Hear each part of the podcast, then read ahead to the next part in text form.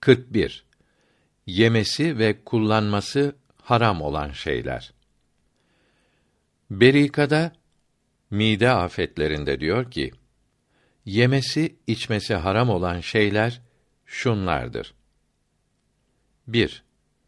Haramı li aynihi denilen kendileri haram olan şeylerdir. Leş, hınzır eti, şarap böyledir. Çok içince sarhoş yapan sıvıların azını içmek de haramdır. Mahmasa halinde olan yani açlıktan ölmek üzere olan ve ikrah edilen yani öldürmekle korkutulan kimseden başkalarının bunları yemeleri, içmeleri haramdır. 2. Kendileri haram olmayıp Darül Harp'teki kâfirlerden dahi gasp, sirkat, rüşvet yoluyla alınan veya Darül İslam'da kâfirden dahi fasit akt yani şartlarına uymadan yapılan sözleşme ile satın alınan şey. Bu şey mülk olur ise de mülki habistir. Kullanması haramdır. Geri vermek, alınmış olan bulunmazsa fakirlere sadaka olarak vermek lazımdır. 3. Doyduktan sonra yemek haramdır. 4.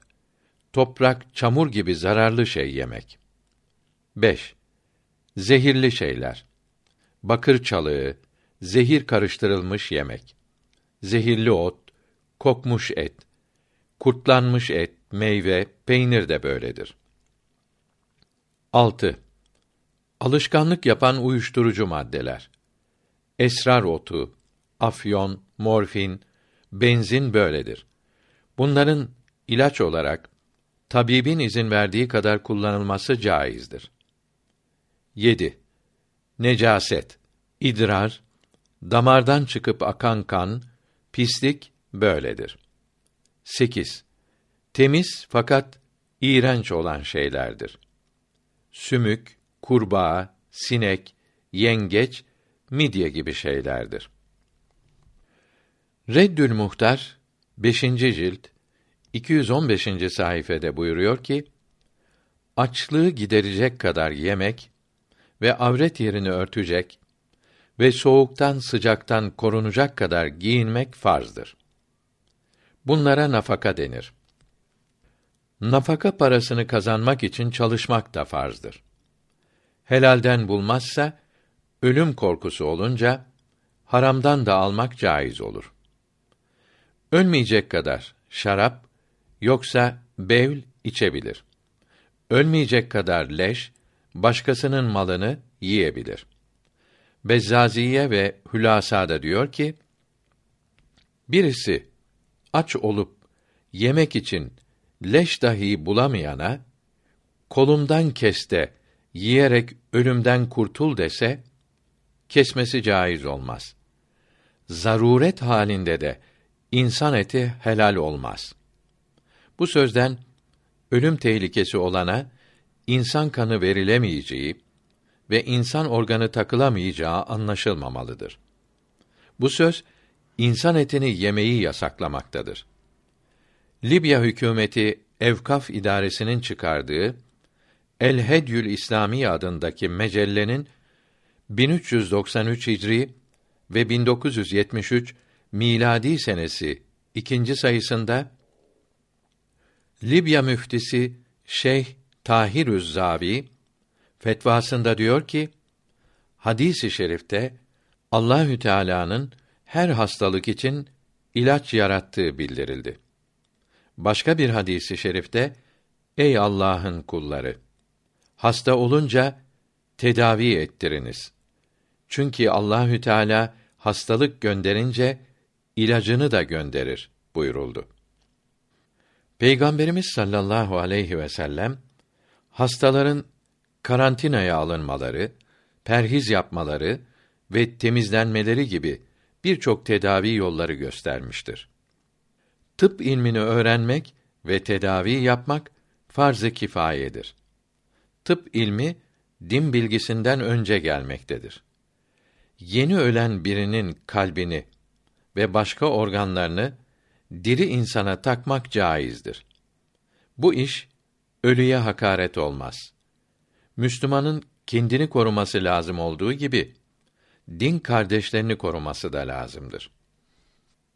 Düşman saldırınca ona karşı koymak yani cihad etmek bunun için farzdır. Dirinin veya ölünün diri için bir uzvunu vermesi dirinin canını vermesinden daha kolaydır. Zaruret olunca birçok yasaklar mübah olmaktadır. Ölünün de bir yerini kesmek haramdır. İnsana ölünce de kıymet vermek, saygı göstermek vaciptir. Fakat zaruret olunca bu haramlık kalkar. Müslüman mütehassıs tabipler bir hastanın ölümden kurtulması için kan, diriden veya ölüden organ naklinden başka çare olmadığını bildirdikleri zaman bunu yapmak caiz olur. Din ayrılığı gözetilmez. Eşbahın sahibi rahmetullahi teala aleyh 123. sayfasında diyor ki: Çocuğun yaşayacağı ümmid edildiği zaman çocuğu anasının karnından çıkarmak için ölmüş olan anasının karnını yarmak caiz olur. İmam-ı Azam Ebu Hanife bu sebep ile bir kadının karnının yarılmasını emretmiş, kurtarılan çocuk çok yaşamıştır. Ben öldükten sonra kanımın ve organlarımın hastalara, yaralılara verilmesini istiyorum demek caiz değildir. Çünkü bu söz organlarını vakfetmek veya sadaka olarak vermek yahut vasiyet etmek olur. Bunların üçünün de sahih olabilmeleri için mütekavvim mal ile yapılmaları lazımdır. Hür insan ve hiçbir parçası mal değildir. Harpte esir alınan kölenin ve cariyenin yalnız canlı olan bütün bedenine mal denilmiş ise de organları ve ölüleri mal değildir. Ben öldükten sonra kanımın, uzuvlarımın bir Müslümana verilmesine zaruret olursa verilmesi için izin veriyorum demek caiz olur. Yemeyip, içmeyip açlıktan, susuzluktan ölen günaha girer. Halbuki ilaç almayıp ölen günaha girmez. Namazı ayakta kılacak ve oruç tutacak kadar gıda almak farzdır. Doyuncaya kadar yiyip içmek mübahtır. Doyduktan sonra yemek içmek haramdır. Yalnız sahurda ve misafiri utandırmamak için haram olmaz. Çeşitli meyve, tatlı yemek, içmek caiz ise de vazgeçmek iyidir.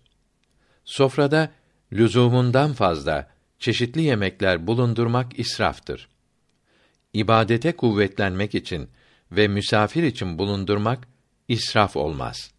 Lüzumundan fazla ekmek bulundurmak da böyledir. Domuz eti yememelidir. Şiddetli haramdır. Ehli eşek eti ve sütü tahrimen mekruhtur. Yalnız Maliki mezhebinde helaldir. Kasten yani hatırında olduğu halde bilerek besmele çekmeden kesilen hayvanı ve besmelesiz tutulan av hayvanını kitapsız kâfirlerin, mürtetlerin kestiği, avladığı hayvanı yemek haramdır. Böyle tutulan balığı yemek haram değildir. Kesmeyip de bir yerine bıçak saplayarak, ensesine ve alnına vurarak veya boğarak veya ilaçlayarak, elektrikleyerek öldürülen kara hayvanları leş olur. Bunları yemek haram olur. Besmele ile gönderilen av köpeğinin ve doğan kuşunun yakalayıp ısırarak yaralayıp öldürdüğü av hayvanı yenir. Diri getirdikleri av hayvanını kesmek lazımdır. Köpeğin yaralamayıp boğduğu ve yaralayıp etinden yediği av yenmez. Avını köpek dişiyle veya pençesiyle yakalayan hayvanın etini yemek haramdır karada, suda yaşayan haşeratı yemek helal değildir. Mesela kertenkele, kaplumbağa, yılan, kurbağa, arı, pire, bit, sinek, akrep, midye, yengeç ve fare, köstebek, kirpi, sincap yemek helal değildir. Avlanılan, yakalanan her balığı yemek helal olduğu Maide suresinde bildirilmektedir. Su içinde kendiliğinden ölüp karnı üst tarafta duran balık yenmez. Ağ ile, saçma ile, ilaç ile, sarsıntı ile ölen her balık yenir. Kitaplı kâfirlerin kendi kitaplarına göre ve kendi dilleriyle Allahü Teala'nın ismini söyleyerek kestiklerini ve kadının, çocuğun ve cünüp olanın kestiğini yemek caizdir. Besmele çekmesi unutularak kesileni ve avlananı yemek caizdir. Şafii mezhebinde besmelesiz kesileni yemek de caizdir. Maliki mezhebinde besmelesi unutulan da yenmez. Tiryak denilen ilaçta yılan eti, ispirto varsa içmesi haram, satması caizdir. Bunların bulunduğu bilinmiyorsa içmek de caiz olur. Tiryak afyon demektir. Afyona alışmış olanlara tiryaki denir. Eski Yunan hakimlerinin zehirlenmelere karşı yaptıkları bir ilaca da denir. İçinde afyon, yılan eti ve ispirto vardır. Müslüman kasaptan alınan bir etin nasıl kesildiği bilinmiyorsa, helal olmak ihtimali varsa, yani kesenler Müslüman ve mürtet karışık ise yemek caiz olur. Haram olduğu görerek veya adil bir Müslümanın haber vermesiyle anlaşılarak bilinirse yememelidir. Fakat sorup araştırmak lazım değildir. Darül İslam'da Müslümandan satın alınan şüpheli eti yemeli, vesvese etmemelidir. Yabani eşek eti ve sütü helaldir. Tezek ve başka neç şeyleri yiyen hayvanın eti kokarsa, yanına yaklaşınca pis koku gelirse, eti, sütü ve teri neç olup yemesi mekruhtur. Temiz şey ile beslenip pis kokusu kalmazsa caiz olur. Bunun için tavuk üç gün, koyun dört, deve ve sığır on gün hapsolunur denildi. At eti ve sütü temizdir, helaldir. Nesli azalmamak için mekruh denildi. Tavşan eti helaldir. Bedai kitabında diyor ki, Abdullah İbni Abbas buyurdu ki, Resulullah'ın yanında oturuyorduk. Bir köylü tavşan kebabı hediye getirdi. Bize yiyiniz buyurdu. Muhammed bin Safvan radıyallahu teala anhüma dedi ki: İki tavşan yakaladım, kestim. Resulullah'a sordum. İkisini de yememi emir buyurdu. Kitabül İrşad sahibi rahmetullahi teala aleyh diyor ki: Tavşan kanı kelef denilen yüzdeki çillere ve behak denilen esmer lekelere ve beras yani abraş denilen beyaz lekelere iyi gelmektedir. Kanı bu lekelere sürülür. Tavşan beyni yemek hastalıklardan sonra hasıl olan titremeye iyi gelir. Çocukların diş etlerine sürününce diş gelmesine yardım eder.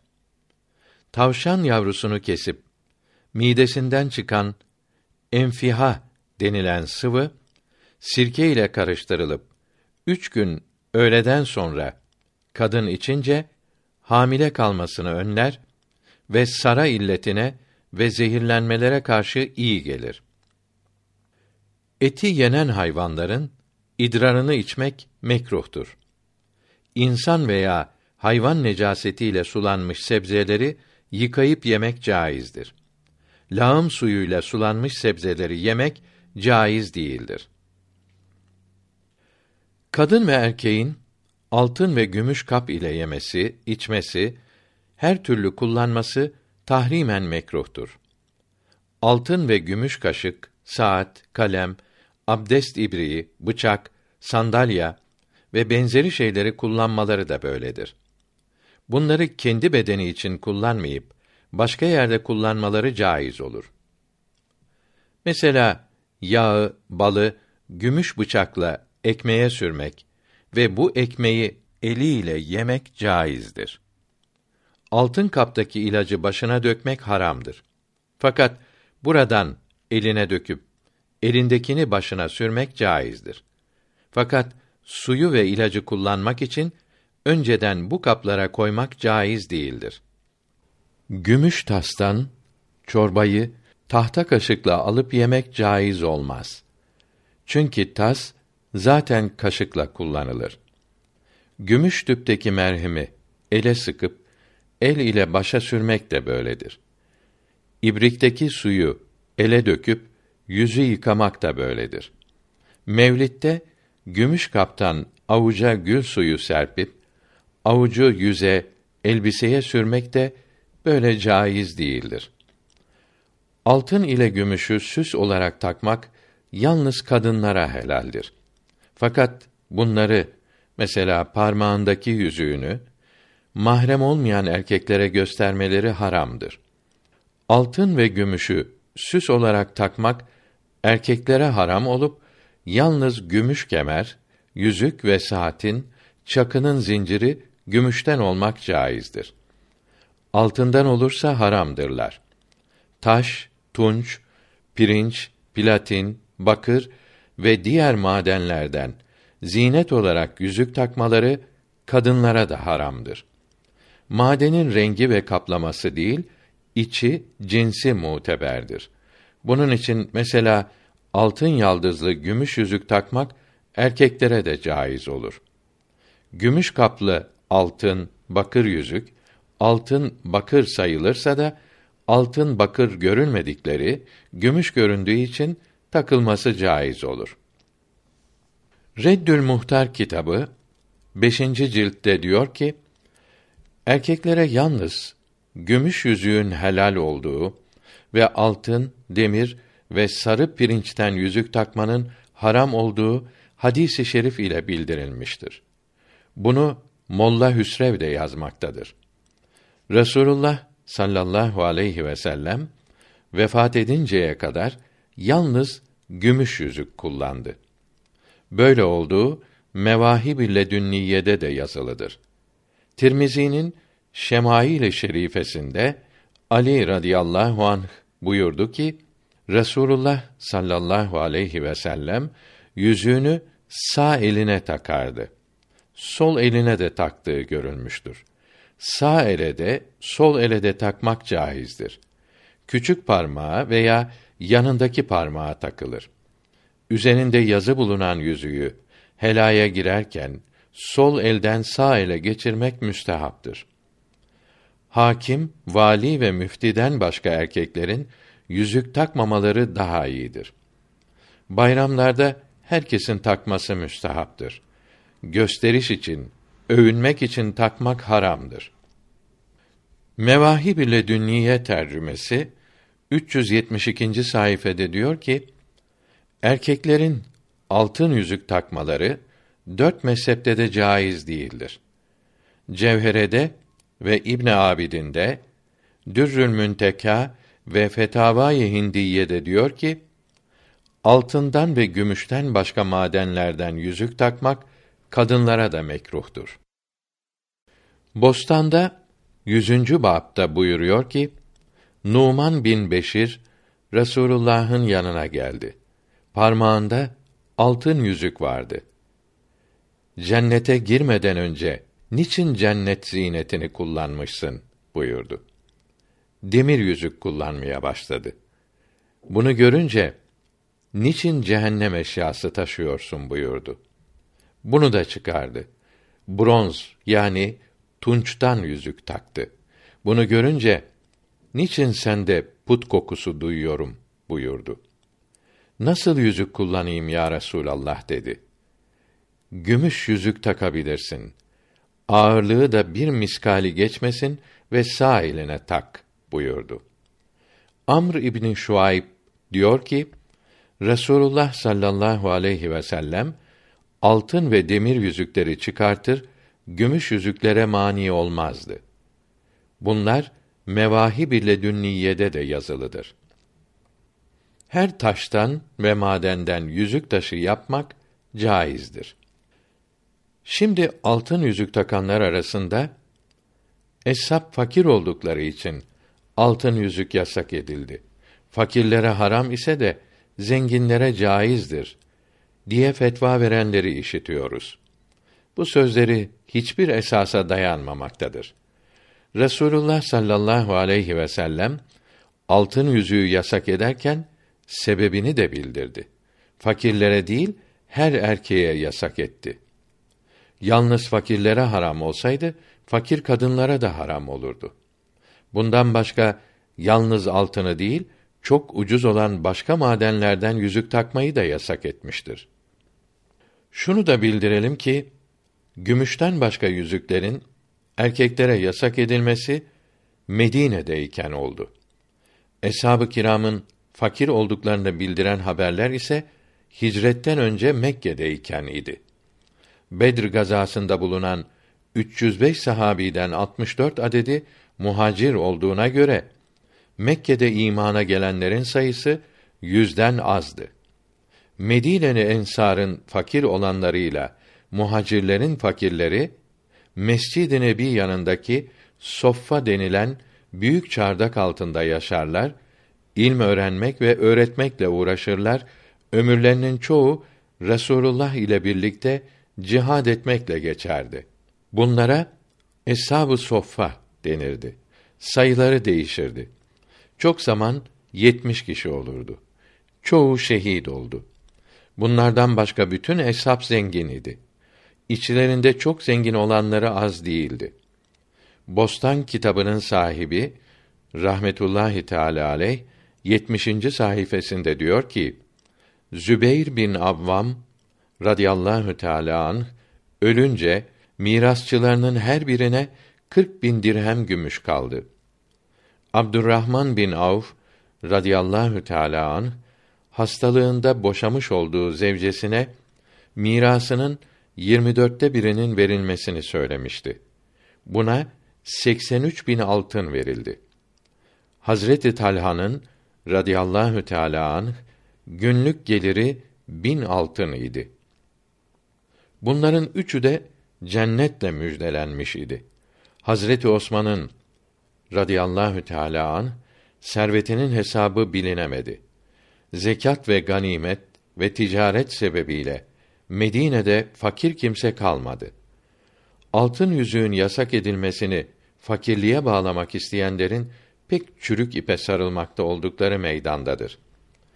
Dört mezhepte de haram olan bir şeyin haram olduğuna inanmak lazımdır.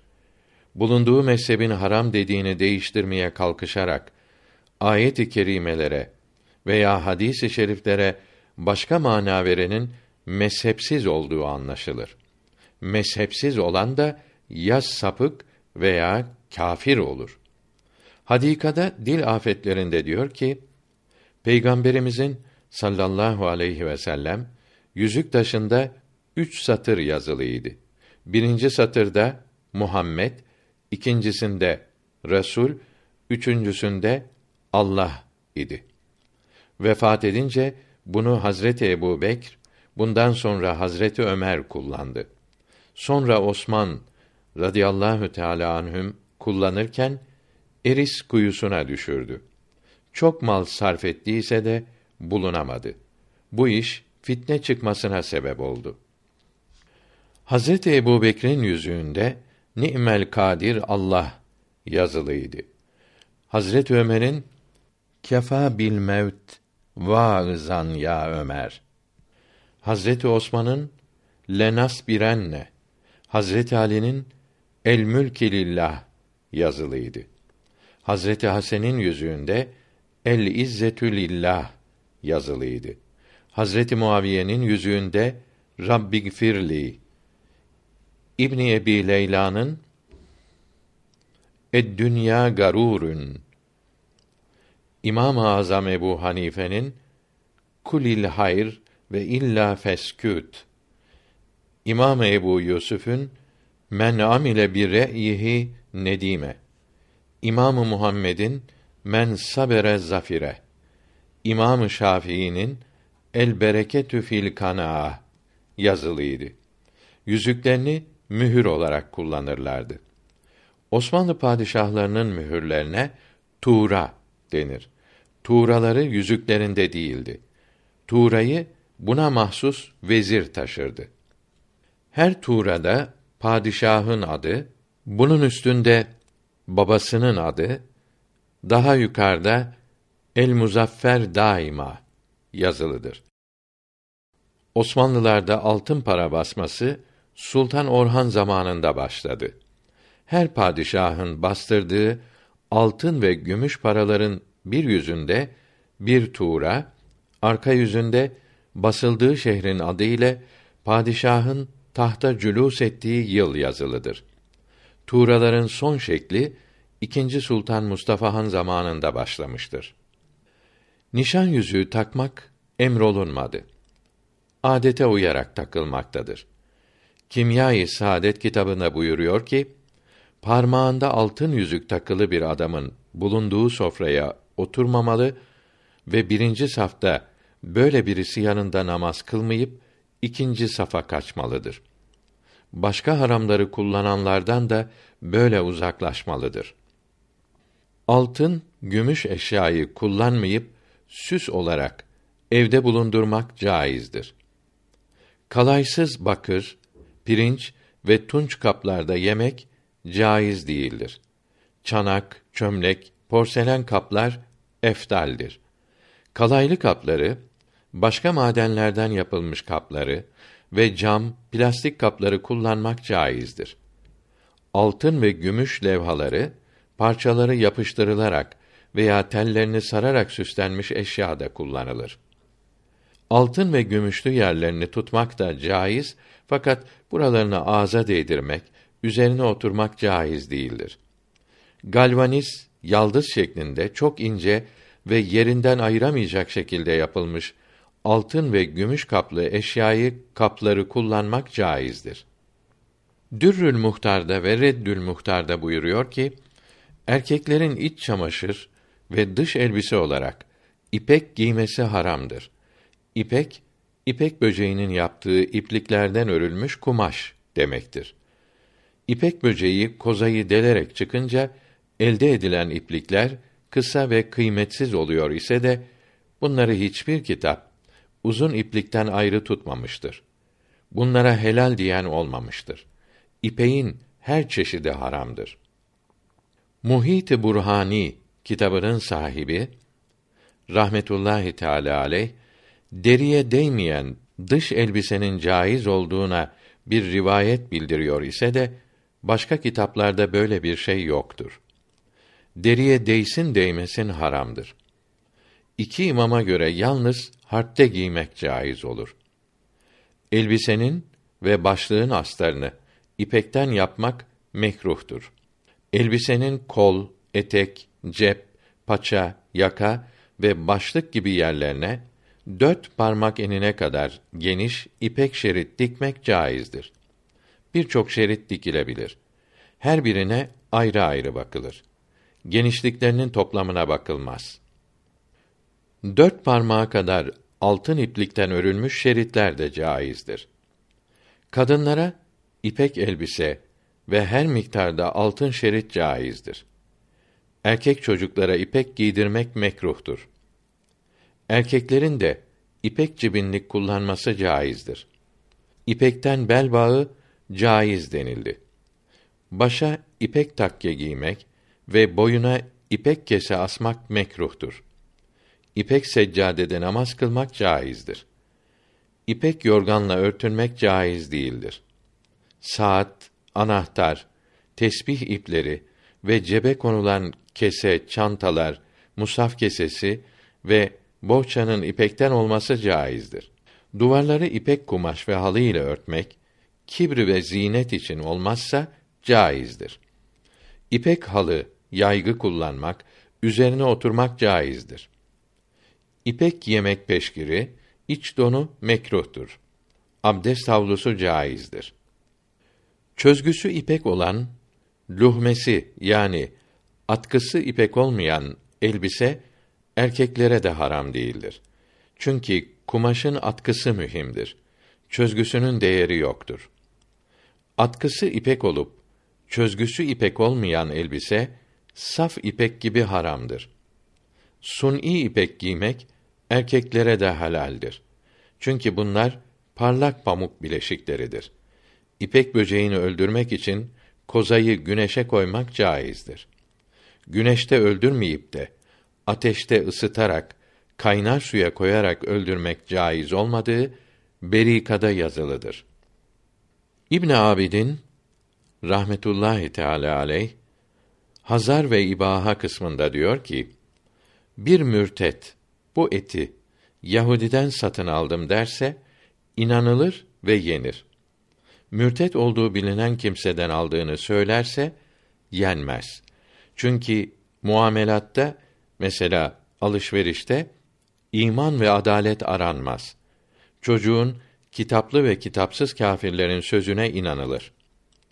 Sofradakiler içeri gelen kimseyi yemeğe çağırsalar, adil bir Müslüman da yedikleri eti mürtet kesti veya içtiklerinde şarap karışık dese, çağıranlar adil ise oturur. Adil değilseler oturmaz. İkisi adil ise yine oturur. Biri adil ise teharri eder yani araştırır. Karar veremezse oturup yer ve içer ve sularıyla abdest alır.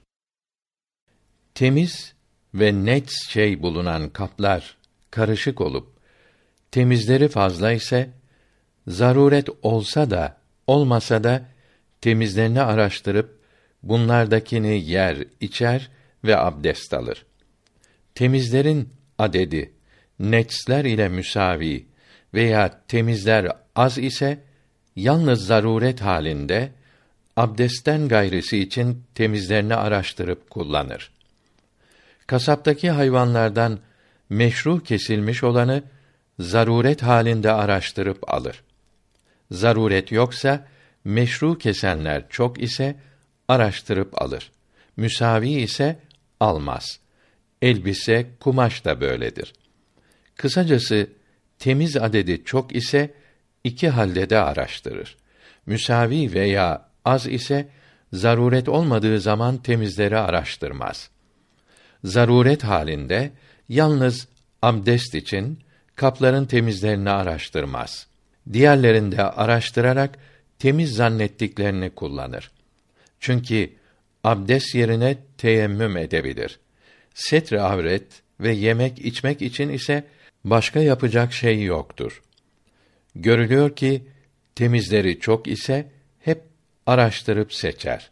Çok değilse yalnız zaruret halinde ve abdestten gayrısı için araştırır.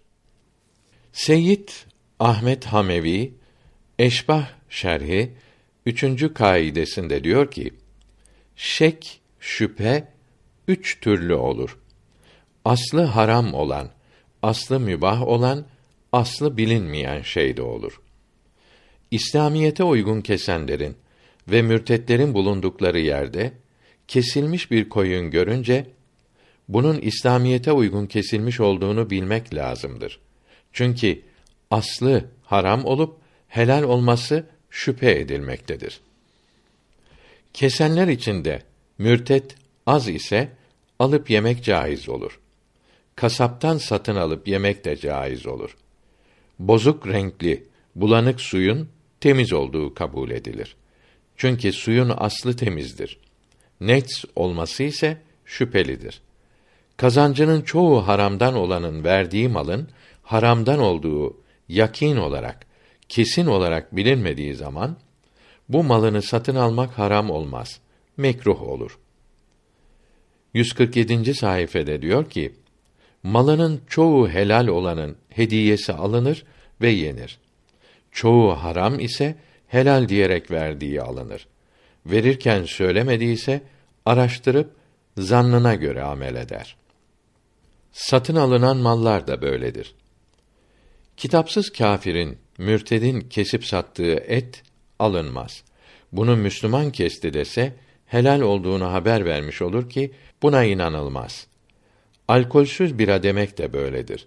Çünkü bira meşhur olan alkollü bir içkinin ismidir. Bu sözleri bevlin nets olmadığını söylemek gibidir. Nets olmayan şeye bevl dememek, alkolsüz olan içkiye de bira dememek lazımdır. Mecellenin dokuzuncu maddesi, bir şeyin sıfatları devam eder. Bunları değiştirdik diyenin sözü kabul olunmaz. Onuncu maddesinde, bir zamanda mevcud olan şeyin devamı kabul edilir. Aksini ispat etmeleri lazım olur. 42. maddesinde meşhur olana itibar olunur. Maglup ve nadire olunmaz. Ve 46. maddesinde mani ve muktedi birlikte olunca mani tercih olunur denilmektedir. Müslümandan satın alınan eti mürtet kestiğini sonradan adil bir Müslüman haber verse yemek ve yedirmek caiz olmaz. Fakat parasını geri alamaz.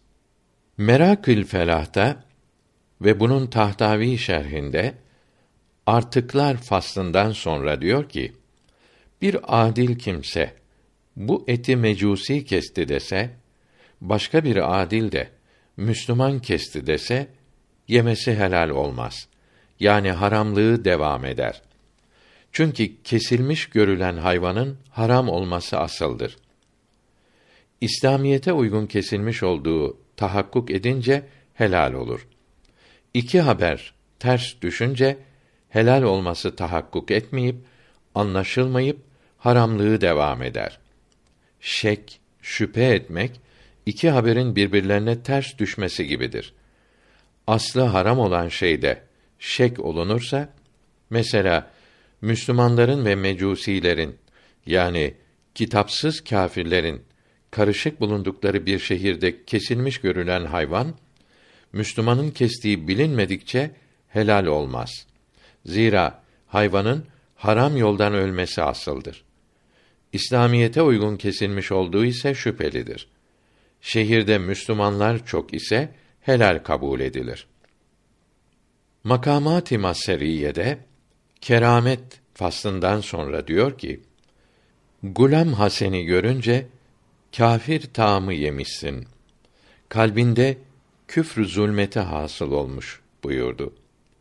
Evet, Hindu'nun verdiğini yedim dedi. Küfr ve haram alametleri bulunan yemekler kalbi karartır ve kabirde çürümeye sebep olur.